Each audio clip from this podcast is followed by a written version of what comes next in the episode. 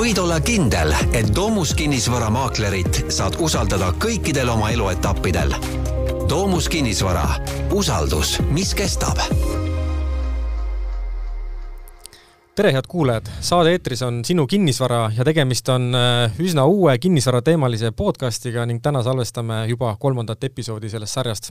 ja me räägime, nagu saate nimigi ütleb, äh, kinnisvara valdkonda puudutavatest teemadest, üüriturust, ostust ja müügist, erinevad õiguslikud küsimused, hinnad ja ka kinnisvarasse investeerimise teemadel. ja saates käivad külas oma valdkonna eksperdid ja mul ongi suurimalt, suurim hea meel tervitada tänaseid saatekülalisi Toomus kinnisvarast Agur Tammistu, tervist! tere! Kaisa Hiire, tere! tere! Jaan Liitmäe, tere Jaan! Tere! Rõõm on teid siin täna võõrustada, äh, läks natuke aega, et teid siia saada, aga äh, lõpuks olete siia kohale jõudnud ja ongi äh, hea meel teiega neid teemasid siin arutama hakata otsast. ja meil on suur ports huvitavaid küsimusi, mida tahaksin teie käest küsida ja alustakski võib-olla üldisematest teemadest, aga enne kui me teemade juurde liigume, siis ma annaksin teile korraks endile ka sõna, et Agur, alustame äkki sinust, et millega sa igapäevaselt Toomuses tegeled? Jah, tere veel kord. Toomuses ma tegelikult tegelen rohkem müügi, siis eh, elukondliku kinnisvara müügi vahendusega, aga iseenesest olen ma kinnisvaras juba eelmisest sajandist alates, ehk siis tuhande üheksasaja üheksakümne kuuendast aastast, et staažikas ekspert. Eh, jah, ja ütleme nii, et, et eh, noh, ma omalt poolt täna siis üritaksingi tuua nagu välja selle poole, mida kliendid räägivad, sest mina kohtun kliendiga, mina näen, mida inimesed tahavad ja, ja see pool teised minu vestluskaaslased on siin ilmselt nagu rohkem äh, numbrite poolt haritud. väga hea, ma arvan, et see kombinatsioon on ideaalne. Kaisa, kuidas äh, sinuga lood? noh, numbritest rääkides, siis minu äh, kinnisvarakarjäär sai alguse aastal kaks tuhat kuus, et äh, alustasin hindajana, mis on puhtalt numbrite keel äh,. täna tegelen äh, mõninga määraga hindamistega endiselt, äh, teen maakleritööd äh, ja tegelikult suurem osa minu ajast kulub kontori juhtimisele, et olen Lõuna-Eesti regiooni juht. suurepärane, Jaan, kuidas sinul läheb? tänan küsimast, pole viga, et mina tegelen Toomuses ärikinnisvara investeerimisprojektidega ja tegelikult ka eest vean siis meie väikest, aga tublit äripindade müügitiimi suurepärane ja ma arvan, et alustaks äkki sellistest äh, üldisematest teemadest, et kuna meid on siin äh, stuudios palju, siis äh, üritame siin viipekeeles, kuulaja küll seda ei näe, üritame omavahel märku anda, et kes millele parasjagu vastamas on, et, et aga milline hetkel üldse see kinnisvaraturu üldine seis on, et mis, mis hügieenitase seal valitseb ja, ja, ja kuidas sellega hetkel, hetkel on? Jaan, äkki sina tahad teha algust? tegelikult suhteliselt värskelt meil siin endal majasiseselt äh, on paar sellist põhiindikaatorit, äh, noh, mis alati kõigile välja hüütakse mis päris hästi peegeldavad, mis turul toimub, et, et värskelt tulid eelmise kuu numbrid, palju Harjumaal on kortereid pakkumises, see number vaikselt, aga siiski kasvab mm, -hmm. mis näitab nagu seda, et kui pakkumine taastumas on, siis äkki, äkki see annab ka veidi järele sellele lõputule hinnasurvele.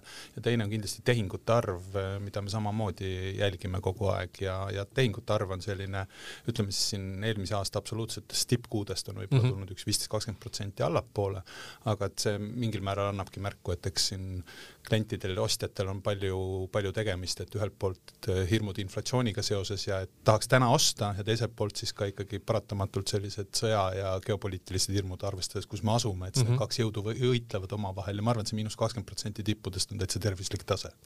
kas Tartus on sarnane olukord nagu siin Harjumaa kandis?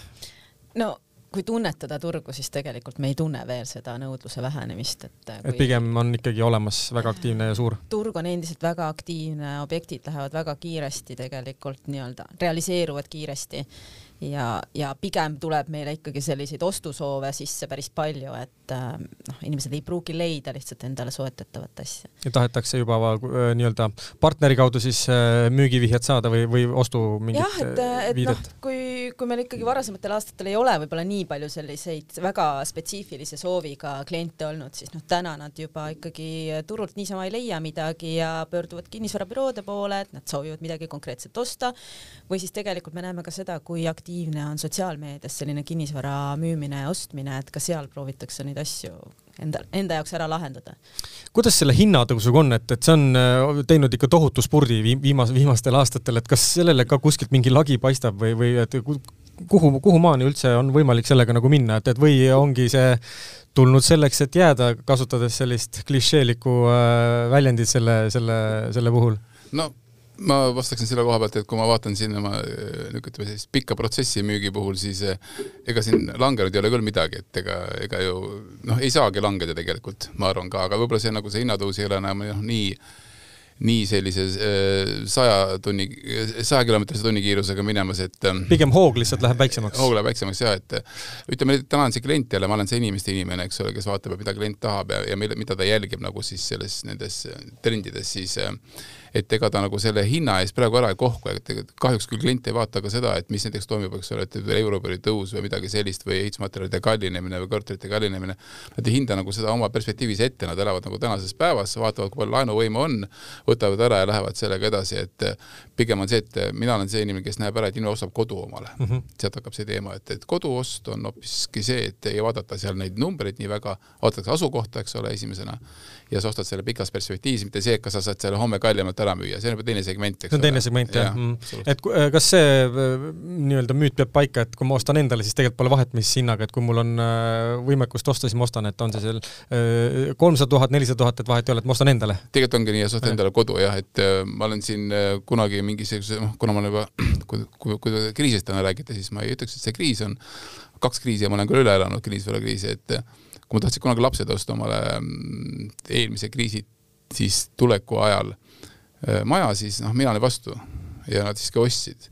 Ja noh, siis käiski purts ära, ütleme niimoodi, et ja kümne aasta pärast olin jälle tema tasemel tagasi, aga nad ei, nagu ei mõelnud selle peale, et noh, et, et see hind, äh, väärtus langes, kus nad elavad, see nende kodu, nad hindavad seda koduväärtust kui hoonet, kui maja, kui asukohta, et jaa, sa, sa juba Euribori äh, põgusalt mainisid, et, et, et siin äh, varsti on ka meie, meie, meie regioonis see Euribori kasv tulemas ja terendamas, et millist mõju see võib äh, avaldada nii müükidele kui ka siis ka isegi ütleks arendajatele, et no., et kas see nagu võtab nagu seda huvi maha kinnisvara poole pealt, kliendi poole pealt? ostja pilgu läbi ta tegelikult ei võta maha, ostja lihtsalt ei adu seda hetkel ja, ja ka näiteks seesama teema, et ähm, noh, siis hooldus- ja halduskulud on ju kallid kallinenud.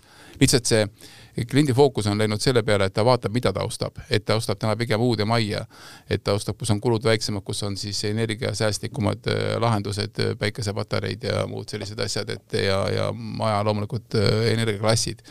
et ta, ta vaatab seda, et et need kulud tal oleksid väiksemad, see Euribori tõus, noh, pank vaatab juba ise tema laenuvõime järgi ära, eks ole, et kui palju tal see võimekus on. kuni viie protsendiga võib-olla isegi, eks ole, nelja-viiega seal, et mm -hmm et, et ei, klient nagu seda ei vaata, ta otsib kodu.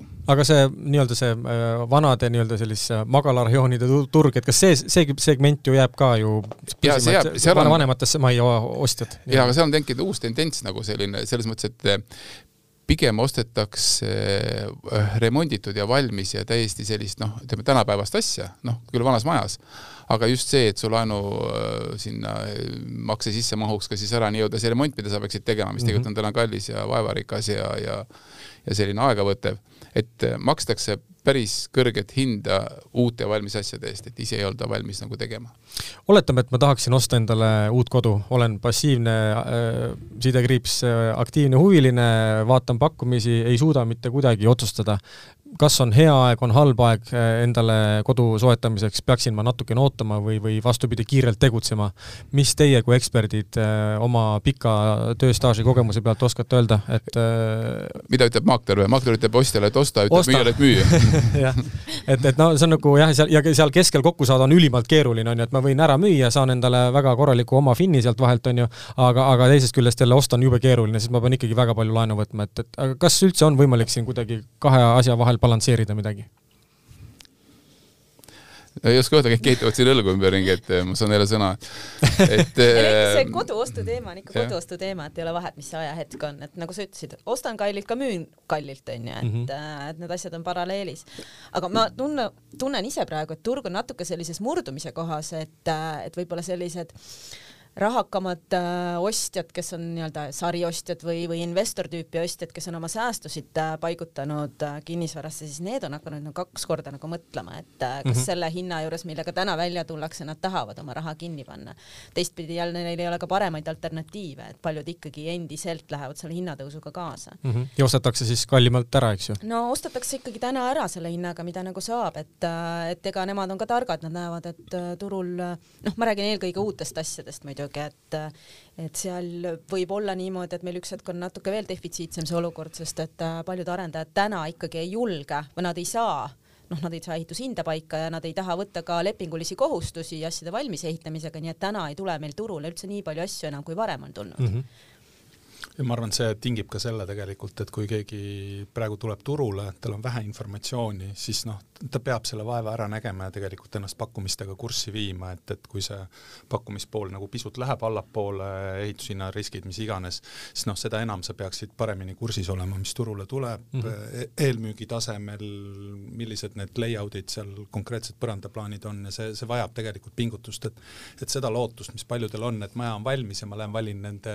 tühjade korterite seast mulle kõige meeldivam mm. -hmm. et ma arvan, et selle hetkeni noh, ei ole praegu näha, et me siin lähiaastatel nagu jõuaksime, et see pakkumine on vähesem ja see vähem, vähesem pakkumine ostetakse tegelikult selle ostjate poolt üsna rahulikult nagu ära mm -hmm. ja mhm. tihtipeale, kui majad valmis on, see on ikkagi rõhuv enamus korterid, kui mitte kõik korterid müüdud juba mm. -hmm ja ma siin oma koha pealt täiendaksin veel seda, et just need uusarenduste teemad, et ma olengi rohkem tegelenud nagu uusarendustega, on see, et ütleme, seal on seal olemas nagu väikearendajad ja suured arendajad ja täna väikearendajad vaatavad ka ära perspektiivis selle noh, et ehitushinna, noh tavaliselt kui nad hakkavad arendama, ostavad oma materjalid kõik juba valmis ja siis alles tulevad turule nii-öelda, et ta ei hakka nagu selle ehitushinna tõusuga koos äh, minema, sest et fikseeritakse ära ju müügihind. Mm, -hmm. siis äh, nendel äh, väikearendajad tihtipeale jõuavad sinnamaani, et kui on mingid väiksemad projektid, et nad ei jaksa tegelikult neid teha ja nad ei riski neid. Ja nad müüvad projektid ära ja ostavad suuremad arendajad, ostavad endale need nii-öelda portfelli, et kui vaatavad, mis saavad, endal on nagu võimalusi ja võimeid neid hoida oma portfellis ja siis mingil õigel ajal tulevad nendega välja, mis ongi seesama, mis Kaisa ütles, et tekivad, tegelikult tekib, tekib defitsiit mm -hmm. nende uute puhul. et sealt võib seda hinnatõusu veel natukene oodata tegelikult.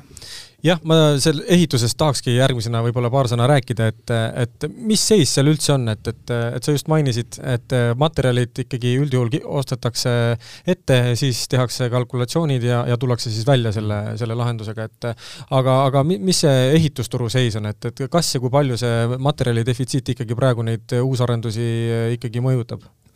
noh, võib-olla täna selline tüüpne küsimus, mida ennekõike pankarendajate käest küsib, on see, et mis tüüpi sul ehitusleping on mm, -hmm. millised äh, read sellest on äh, fikseeritud hinnaga ja kas on ka mingisuguseid äh, ridasid, mis te olete noh, omavahelisel kokkuleppel lahti jätnud ja eks siis seda püütakse ühiselt kuidagi seda riski nagu manageerida ja, ja noh, ma ikkagi olen üsna tugevalt sellel arvamusel, et et see turg on nii palju täiskasvanumaks muutunud, et kui arendaja näeb, et tal on liiga palju lahtiseid otsasid, pank ka on veidikene selline kõhklev mis proportsioonis ta laenu on valmis pakkuma, et siis täna seda hirmu, et nüüd midagi väga naturaalselt pooleli jääb, pigem, pigem ei ole, ole, sellepärast et sa, sa lihtsalt ei stardi.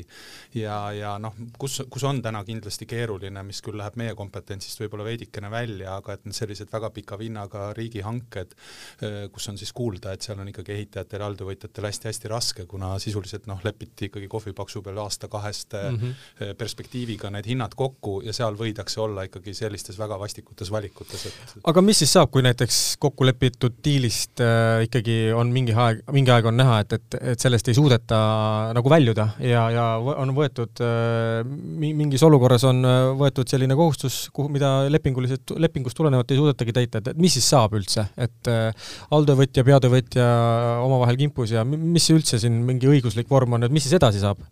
No, no. Ma, ma arvan ise muidugi, et peatöövõtja ja alltöövõtja leiavad nagu lahendust, et keegi ei taha ju, et see alltöövõtja minema jalutaks, sest leia siis järgmine, kes siis ei ole nagu, üldse mingit raha. jah, et, siis, siis sul nagu äh, pikeneb graafik veel, pluss teine, sa elu sees ei tea, mis hinnaga see järgmine sul mhm. tuleb, et et ma arvan, et siin ikka keegi nii, niisama lahku ei lähe, et püütakse leida neid kompromisse. aga lepingust väljumine on ka üldse teema või pigem ei ole, et noh, seal ilmselt mingitel tingimustel on, aga kas äh, hindade kallinemine on termin, millega saab lepingust väljuda? Pigem ei saa, ma eeldaks. nii ekspert ei ole, aga pigem, pigem ei ole seda jah. noh, mida ma olen siin ka näinud et noh, see, et noh, nagu laulusõnaga ütleb pankrott, eks ole mm, -hmm. et eh, noh, seda ma täna nagu, nagu siin veel ei näe, ega sellist, sellist ohtu. küll aga küll aga ütleme siis tarbija jaoks, eks ole, sa tahad täna osta, eh, on selliseid asju juhtunud küll, et on eh, siis jah, finantsvõime nagu ära kadunud ja on jäänud see nii-öelda see vara on ostetud uuesti välja ja tegelikult on see, et kui see omanik nüüd ise vaatab, et ta mingi hetk ta peaks sinna uuesti paigutama, et see nii-öelda uusarendus siis valmis ehitada, siis mingi hetk tekib, tekib see moment, et äh, kas ta paigutab sinna, ma ei tea, viissada tuhat juurde mm -hmm. ja saab nagu äh, nii-öelda seal, ma ei tea, sada tuhat lossi, eks ole, et või, või siis ta lihtsalt see, mis ta on paigutanud, see viissada tuhat, et see läheb minema. et neid asju on tekkinud, aga noh, see nagu tarbijat ei tohiks nagu heidutada, et selliseid asju vist täna ei ole et pigem, pigem olukorda, kus jah, paari aasta pärast on mingi hunnik lõpetamata uus arendus Eestis, et pigem ei tohiks tekkida? No Pigem. täna on seal jah, üheselt on nii arendaja kui ka tema finantseerijate, kes iganes, on see siis pank või on see mingi era, mingis vormis erakapital, noh, neil on üks huvi, see, see vara peab valmis saama mm. -hmm. et selles mõttes, kui seal on mingisuguse ühe alltöövõtjaga või, või, või konkreetse peatöövõtjaga küsimused, et noh, siis mõnes mõttes on see nüüd otsustamise koht sellel arendajal ja täna on valmis mis iganes tegema, et et ilmselt need katted on ka olnud ka varasemast ajast siiski nagu nii head, et et suudetakse ka siis need üksikud kallinemiste aspektid mm -hmm. ikkagi tegelikult omakapitali arvelt alla neelata ja need hooned valmis ehitada mm. -hmm. no üks asi muidugi, mis on veel oluline ilmselt, et äh, täna ju pank pigem rahastab selliseid projekte, kus arendaja on ise tugev ja, ja siin ma arvan ka ikkagi äh, hakkavad ostjad järjest rohkem vaatama seda, et milline on selle arendaja taust. et kui siin vahepeal võeti nagu valimatult kõike, siis äh, täna juba pank vaatab selle ostja rahastamisel, et kas selle arendaja tugevus on, kas ta suudab valmis ehitada, et kas see müügipakkumine, mis lauale tulnud, on see reaalne ka nagu, et sealt võib hakata see selektsioon tekkima juba juurde olen alati tahtnud äh, siin valdkonna eksperdilt küsida, et milliseid müüte teie valdkonnas eksisteerib äh, praegusel ajal, kas kinnisvarasektoris äh, või kuskil mujal küla peal liikleb teie sektoris mingisuguseid müüte, mida praegu oleks hea võimalus nii-öelda ümber lükata või, või siis ka kinnitada, et kas on või kas on midagi, mis ei pea kohe üldse paika ja mida te näiteks, ma ei tea, igapäevaselt oma töös peate kokku puutuma, et kas on midagi sellist, ütlegi, ütleme siis poolnaljakat või naljakat asja, mis tegelikult ei vasta kuidagi kuidagi tõele? ma ei tea, kui naljakas see on, pigem ei ole naljakas, et arvatakse, et maakleri töö on jube lihtne, et, et teen millal tahan ja ah, ma siin natukene rabelen ja, ja, ja raha, raha lihtsalt pritsib peale, et et äh, tegelikult ma pean ütlema, et makleri töö on väga töine ja väga palju distsipliini nõuab, et, et see on võib-olla kõige suurem müüt, mida turul nagu arvatakse, et näha, ei nähta seda tööd, mis selle kõige taga on, et sa pead tegelikult väga hästi teadma, mida sa müüd, sa pead väga hästi aru saama, kus sa seda teed ja kellega sa seda teed, et see on noh, väga lai ampluaa, mida üks maakler peab tegelikult aga fakt, et pea, et hea maakler võib teenida peamin-, peaministri palga, kas see peab paika? absoluutselt ah,. ma vot, näed, siis üks müüt sai ka kinnituse võib-olla üks asi, mis äh, on siin viimastel aegadel kiire hinnatõusu tingimustes tingimustes selline praktiline asi meeles pidada, et äh, kui keegi lepib omavahel kokku, et selle ostetava müüda vara, müüdava vara hind on sada tuhat, siis äh, ja viimased tehingud sarnase varaga toimusid näiteks kaheksakümne tuhande pealt, noh mm -hmm., lihtne, lihtne fakt, eks ju, siis äh, tegelikult on täna hindajatel puhtalt nende ametist tulenevatest nõuetest see, see hindamisväärtus tuleb sinna kaheksakümne tuhande juurde mm. -hmm. Ja see on see vahemik, mida on tegelikult nüüd ostjal nagu meeletult keeruline aru saada, eks ju, ja noh, mõnes mõttes ka müüjal, sellepärast et me ju leppisime selle hinna peale selle kokku, et, et ja seda vahemikku noh, ainukene viis, kus seda praktiliselt tegelikult ületada saab, on, et selle võrra peab ostja rohkem oma finantseerimist välja käima. ja see on selline noh, kontseptsionaalselt päris raske mõista mingitel hetkedel nii ostjatel kui müüjatel ja siis loomulikult on eksperdid süüdi, eks ju. jah, nii ta kipub oleme, tahad sa lisada midagi? ja üks niisugune hirmumüüt on ka olemas, et just uusarenduste puhul jälle on see, et, et uusarendust me hakkame müüma siis, ähm, siis kui ehitusluba on olemas, eks ole, aed ümber, auk maas ja noh, põhimõtteliselt ongi see, et täna noh, et see maakleri ei ole lihtne, eks ole, et see müüdki põhimõtteliselt seal, ma ei tea, kuu-kahega ära, et polegi veel esimene korras kerkinud. aga nüüd on see teema, et äh, sa maksad, eks ole, võlaõigusliku lepinguga siis seal oma kas siis sissemaksed ja jah, kümme-viisteist protsenti ära mm -hmm. ja nüüd aasta aega ehitatakse ja tegelikult see tõus oli ikkagi päris niisugune, päris kiire kiire ja vihane, et äh, võib tekkida see moment, et on noh, inimesed kardavad, et ma maksan sissemaksu ära seal, ütleme KredExiga kümme protsenti, aga nüüd, kui tuleb asjaõigusliku lepingu ehk siis maja on valmis äh, ost, et siis on see hind nii palju kerkinud, et arendaja võib sulle see kümme protsenti tagasi maksta ja mm -hmm. siis trahvi ka kümme protsenti ja ta müüb veel kümme protsenti kallimalt mm -hmm. selle see on ka nagu selline müüt, et ütleme, et arendaja ikkagi hoiab ka oma nägu ja ta ei noh, ta ei lähe nagu selle terve selle arenduse projekti pealt nagu oma kümme tuhandet teenima, et pigem ta hoiab sellist hoiab klienti ja, ja head mainet. just nimelt, et, et see on ka nagu natuke müüt, et neid mm. no, ei ole minu praktikas juhtunud. lihtsalt võib-olla mõne, mõne inimese peas ja see on kuidagi nagu viraalseks läinud. jah, seda saab teha, kui tahad, aga noh, ei ole ise kohanud. kas ähm, praeguste suurte hinnarallide tuules kuidagi arendajad üritavad ka võimalikult odavalt kogu aeg seda asja valmis teha, et, et kasutada mingisuguseid, ma ei tea, B-kategooria materjale või pigem ikkagi ka see on ei. selle näo hoidmise nagu üks osa, et ei, vot see tuleb sellest hoopiski, et, et klient on täna väga tark mm. -hmm. klient on ikkagi nii arenenud, et, et oskab nõuda. küsida ja nõuda ja teab, mis selle raha eest saab, et see ei ole niimoodi, et jah, et ei, ei, pigem mhm. ikkagi tehakse, pigem, pigem isegi tehakse kallimate materjalidega ja paremat mm -hmm. siis niisugust premium-kaupa. sest pärast ei ole ka parandusi, eks ju. Mhm. okei üks asi on kinnisvara hind, ostetava objekti hind, eks ju, ja teine, teine osa on veel kõrvalkulud erinevad mida kõrvalkulude puhul tuleks jälgida äh, kinnisvara ostu puhul ja, ja mida siin üldse arvestama peaks? Noh, täna on hästi popp näiteks äh, kas või see, et mis küttelahendus sellel objektil on, et, et on palju-palju aastaid on olnud päevselge, et, et need üksikud, kellel oli gaasikatlamajaka kortermaja või, või äriobjekt, et siis noh, need nagu olid üle küla kõige odavamate kõrvalkuludega pinnad üldse, eks ju mm. -hmm. täna on see pilt nagu kardinaalselt Teistpidi. muutunud ja, ja noh, see väljavaade on hästi raskelt hinnatav, et, et kas see vana olukord tuleb tagasi, pigem mitte. pigem mitte, jah. ja, ja noh, nüüd ongi, et kui kellelgi on ainukene küttelahendus on see gaas, eks ju mm -hmm., seal olemasoleval objektil, siis need investeeringud, et seal liituda keskküttesüsteemiga võivad olla nagu väga-väga arvestatavalt mm -hmm. suured, eks ju, või, või lausa ebamõistlik, eks ju, et, et see on midagi sellist, mida vähemalt see uue asja ostja või ka olemasoleva asja ostja, et noh, ta peaks endale teadvustama, et ta peaks selle selgeks tegema, eks ju, et, et, et teab, mida ta ostab, kontrollida seal vähemalt seal öö, kütteperioodi ja, ja tavaperioodi näiteks öö, viimase kaheteistkümne kuu kommunaalkulud ära mm -hmm. ja see kehtib tegelikult nii nii elamispindade kui äripindade mm. suhtes, et et, et noh, siin äripindades kõige markantsemad näited on sellised, kus siin viie kuni seitsme eurosed äh, kuu üüriarved äh, on sama ja kõrvalkulud tulevad samas suurusjärgus, noh et mm -hmm. siis nagu ettevõtja peab hakkama nagu väga kiiresti mingeid otsuseid tegema, kuna mm -hmm. järsku ta maksab kaks korda rohkem oma pinna eest, mida ta on siin ajalooliselt harjunud tegema siin, siin on ka väikseid müüte juures jälle seesama kõrvalkulude teemal, et eh, mida inimesed nagu noh, ostjad siis, mis vaatavad, et kui on maaküte näiteks maja puhul, siis on kõik noh, siis on super luks, et nüüd on odav ja kõik noh, maakütte puhul on jälle omad asjad, eks ole, et kõik see võib-olla hilisem hooldus ja, ja noh, seda ei ole teada siis, kui on õhk-vesi põrandaküte või see on kaugküte.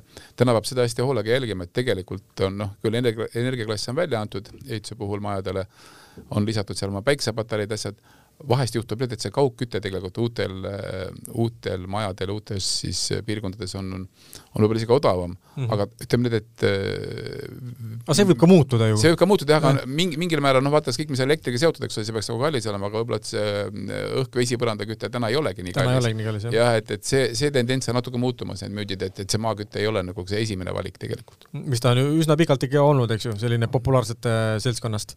palju neid päikesepaneele täna uusarendustes arendajad et äh, üldse tahavad või vähemasti valmidust välja ehitada? seal ei ole tahtmises asi, seal on see, et pigem äh, selle A energiaklassi saavutamine, see peaks olema siis see, mis äh, päiksepatareid tagavad selle, muidu ei tule lihtsalt välja, sest me täna ikkagi tahame teha suuri aknaid maast laeni ja ikkagi valgeid korterid, mitte pikste kuulihavadega, eks ole, et, et saame A-klassi paneme seinad kinni et, et kas see A-ga energiaklassi märgis, kas selle standard on nagu muutunud praegu siin, et, et juba see päikesepaneeli osa on juba seal kuidagi sisse kirjutatud ja see tuleks nagu ehitada, vähemasti valmidus valmis? standard ei ole muutunud, aga, aga üldiselt jah, see on üks lihtsamaid asju, millega teha, sest tegelikult see A-energiaklass antakse välja, või üldse energiaklass antakse ju välja eh, projektipõhiselt uutele asjadele, ehk siis see kehtib kaks aastat. pärast seda vaadatakse uuesti kulud üle, tehakse uuesti siis audit nii-öelda ära mm. -hmm. et eh, noh, arendaja tahab, et ta ikkagi ei söö oma sõnu, et ta nagu on A-klass, siis on A-klass ja jääb ja, ja see päikesepatarei siiski toetab, jah millal on hea aeg kinnisvarasse investeerida? Neljapäeviti neljapäeviti. Mm, -hmm. siis on äh, hinnad maas ja äh, reedel lähevad uuesti ülesse. Kuulajatele igaks infoks, et äh, oli väike huumor. Aga kas on üldse sellist nagu noh, ütleme sesoonsusel ilmselt ei ole väga vahet, aga kuidas seda üldse hinnata, et, et turg teeb praegu iga, iga, igasuguseid vingerpusse, et, et kas praegu on üldse, ongi, ongi hea aeg on müüa küll, aga kas ostuga on jälle keeruline? ma arvan, selle kinnisvarasse investeerimisega on kaks poolt, millest noh, tihtipeale mm, noh, kõige lihtsam oleks meeles pidada seda, et, et tegelikult noh, hoiaks neid mõlemaid võrdselt meeles, et üks on see selline öö, konkreetne ostuhind versus palju sa saad sealt üüri aastas, millest mm -hmm. siis tekib öö, võlusõna nimega tootlus. tootlus, jah. jah, et, et see on üks number, mis sul peab ees olema ja seda saab ju kõikide erinevate ostualternatiivide vahel saab väga lihtsalt võrrelda, eks mm -hmm. ju. Ja teine nüüd on, mis on palju rohkem nüüd selle ostja silmades, on see, et, et milliseks ta hindab nüüd selle ostetava vara potentsiaalset hinnatõusu järgmise paari aasta, viie aasta, viieteist aasta jooksul, eks ju, ja see nüüd on hästi paljuski sellest inimesest või, või firmast endast kinni tegelikult mm, -hmm. et millised vaated ja millised eesmärgid tal on.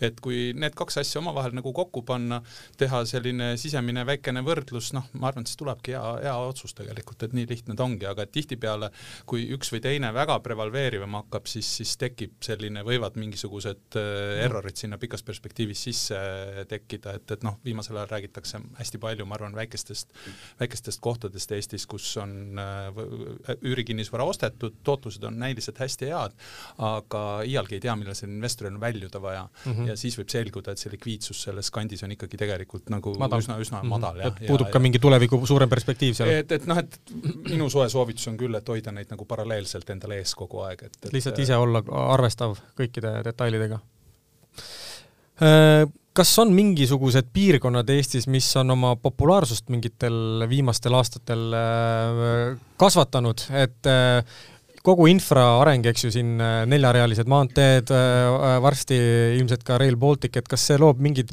mingid niisugused uued jälle mingid asjad, et inimesed hakkavad hoopis Harjumaalt ja Tartumaalt kuidagi väljuma ja, ja Pärnumaalt ka, et, et, et noh, pealinna sõit kestabki võib-olla Pärnust tulevikus kolmkümmend viis, nelikümmend minutit, et kas ma üldse pean Tallinnas elama, et ma võin poole tunniga Pärnust sõita kohale ja üldse ostan oma maja sinna?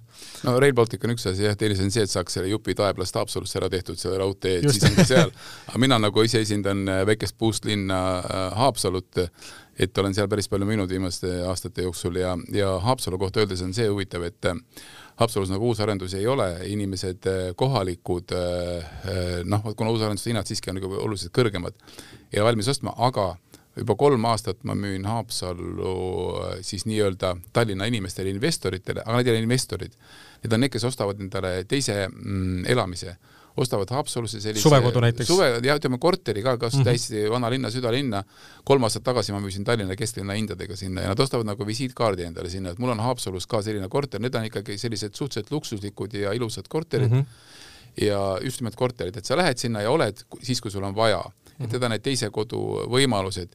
esimene moment oli see, et nad annavad need üürile mm, -hmm. aga kuna need on noh, need ei ole odavad ja nad on ka väga ilusad, siis nad ei ole keegi neid üürile andnud mm. -hmm. ja, ja täna on puhtalt enda jaoks? puhtalt ja seal ütleme, ongi see ostja mm, on ikkagi Tallinnast tulnud ja ja nüüd teha sinna uusarendust, noh, seal, kusjuures inimesed ootavad, aga keegi nagu ei võta riski praegu mm. -hmm.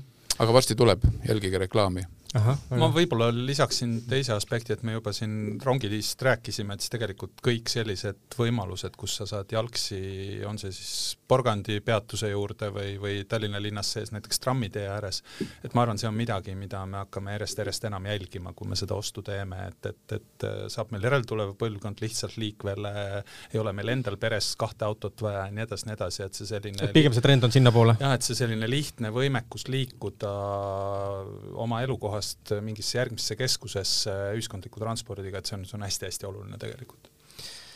Me olemegi oma saatega hakkamas lõpusirgele jõudma ja, ja tahaksin küsida veel ühe asja teie käest, et äh, mida praegu üldse kinnisvaraostjale saaks kas rahustuseks või, või julgustuseks öelda, et äh, kas on üldse mingi selline eluterve tarkusetera või, või mõte kaasa panna, kes, kes on kas mingil otsuse hetkel või, või ei, ei, või ei suuda otsustada teise, teisest küljest, et kas on midagi, mida saaks inimestele öelda ega siin kindlat reeglit nagu ei ole, aga ütleme selle, kuna see ikkagi, meie jutust on siin ka õhkunud seda, et ikkagi väikene hinnatõus on veel olemas, et et siis on see, kui sa täna ostad, siis sa oled homme jälle ikkagi võidus veel. et eriti just nagu uusarendusi vaadates, et kus on nagu fikseeritud hinnad ära nii ehitaja poolt kui arendaja poolt, et kui sa sinna ostad, siis kindlasti aasta pärast, kui see valmis saab, oled sa juba ikkagi noh, ei, ei, ei hävi millegagi nagu. et see on veel, mis jätkub siin? jah -hmm., jah. Kaisa ja Jaan, kas te nõustute? pigem jah, mina arvan, et pikas perspektiivis on alati kinnisvara hind tõusev, et me võime siin näha väikseid korrektsioone võib-olla kunagi, kuna oleme ju näinud aja jooksul, aga lõpuks on ikkagi ta nagu üles suunas läinud, et mm -hmm. ei tasu karta ja noh, enamus meist äh, ikkagi ostavad ju kodu, et äh, kes siis esimest või teist, et äh, Endal ostuga sellest me juba rääkisime, et seal noh, kui maksevõimekus äh, kannab, siis tegelikult on üks vahe hinnas lõpus ei ole nii suur roll enam. ma arvan, et täna ikkagi on endiselt kodu omamine soodsam kui selle üürimine, nii et äh, mm, ja, ja ma arvan, et see jääb endiselt, sest üürihinnad on ju meil ka juba kasvanud ja kasvamas veel edasi, et et siin noh, lõpuks panedki ikkagi nagu kaalukausile, et noh, kas sa üürid või omad, onju. Mhm noh, see kinnisvarasse ka investeerimist toetab ju tegelikult see, et, et, et see küll ei meeldi kindlasti finantseerijatele mm., siis ma pean pankasid silmas, aga noh, oma olemuselt äh, elukondliku kinnisvara üürid on olnud kogu aeg aastased reeglina äh,. Airbnb-d ja need on toonud võib-olla veel seda lühemat tsüklit isegi mm. juurde, kus noh, hinnad teistpidi on jälle palju-palju kõrgemad, kuna siis peab see omanik taluma sellist lühiajalist nagu noh, vakantsiriski, eks ju. aga ärikinnisvaras täpselt samamoodi, et need äh, üürilepingute kestused on pigem lühemaks mm. jäänud, mis tähendab seda, seda, et kui toimub mingi ootamatu hinnatõus, eks ju, siis sa tegelikult suudad läbi üüri tõus, tõstmisega selle tegelikult äh, edasi kanda mõnes mõttes kasutajale, noh, nõus, et see töötab ka teistpidi, aga sellises uh, uhkes raha trükkimise keskkonnas ikkagi pigem see trend kipub ühes suunas olema. ilmselgelt ta nii on. aga head kuulajad, saade oli Sinu kinnisvara ja täna olid mul saates külas eksperdid Toomus Kinnisvarast, Hagur Tammistu, Kaisa Hiire ja Jaan Liitmäe, aitäh teile saatesse tulemast! Aitäh kutsumast! ja kuulajatele samuti suured tänud, otsige Sinu kinnisvara podcast üles Spotify'st ja Apple podcast rakendustest, hakake jälgijaks ja nii jõuavad uued osad esimesena teie mobiili. aitäh ja kuulmiseni! võid olla kindel, et Domus kinnisvaramaaklerit saad usaldada kõikidel oma eluetappidel. Domus kinnisvara, usaldus, mis kestab